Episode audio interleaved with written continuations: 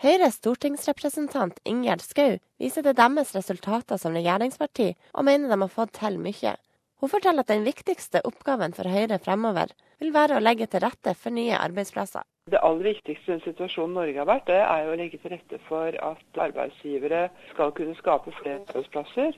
Både forskning, og innovasjon, skape nye arbeidsplasser, sånn at vi kan sikre at velferden på den måten kan holdes ved like i Norge, og at vi har nok velferdstjenester som gjør at innbyggerne opplever at de har skole og helsetilbud og en rekke slike ting. Og da må arbeidsplassene skapes og pengene tjenes før vi benytter det.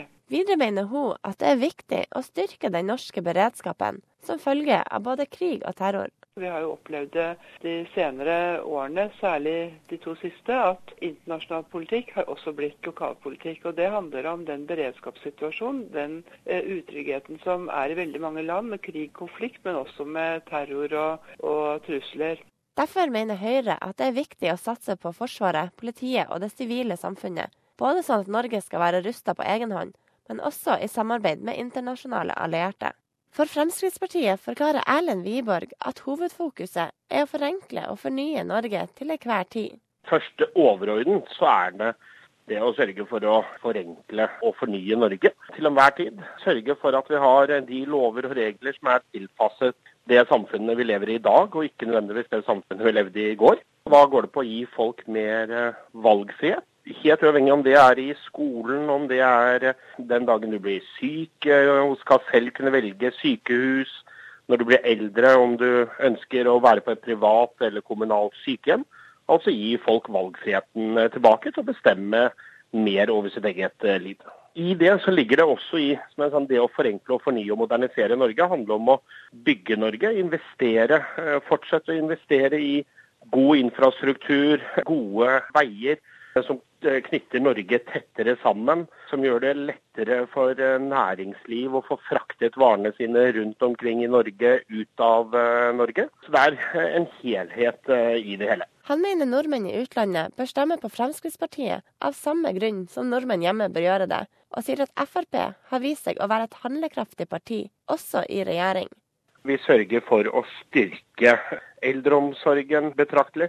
Vi sørger for å bygge ut Norge, styrke skolesektoren, sørge for en streng, men også en rettferdig innvandringspolitikk.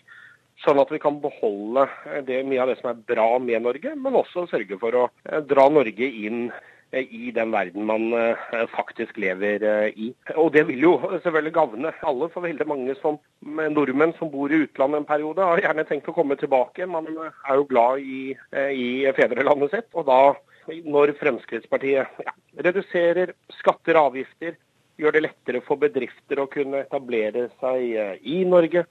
Gjør det lettere for bedrifter å kunne være i Norge, men også ha aktivitet i andre land.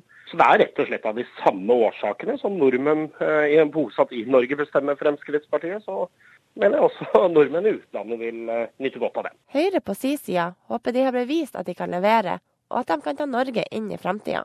Arbeidsledigheten faller, sysselsettingen øker, til tross for vi har vært igjennom en ganske så krevende eh, omstilling i forhold til oljepriser som har falt, og, og reduksjonen innenfor den virksomheten ikke er like stor som før. Så er Høyre det partiet jeg håper at folk kan finne seg hjemme i, og at vi har vist at vi kan både levere og er i stand til å reformere og endre og ta Norge inn i fremtiden. For mer valgstoff besøk www.sbs.com.au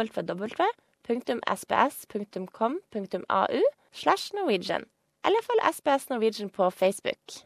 På SPS norsk, jeg er Lone Martinsen.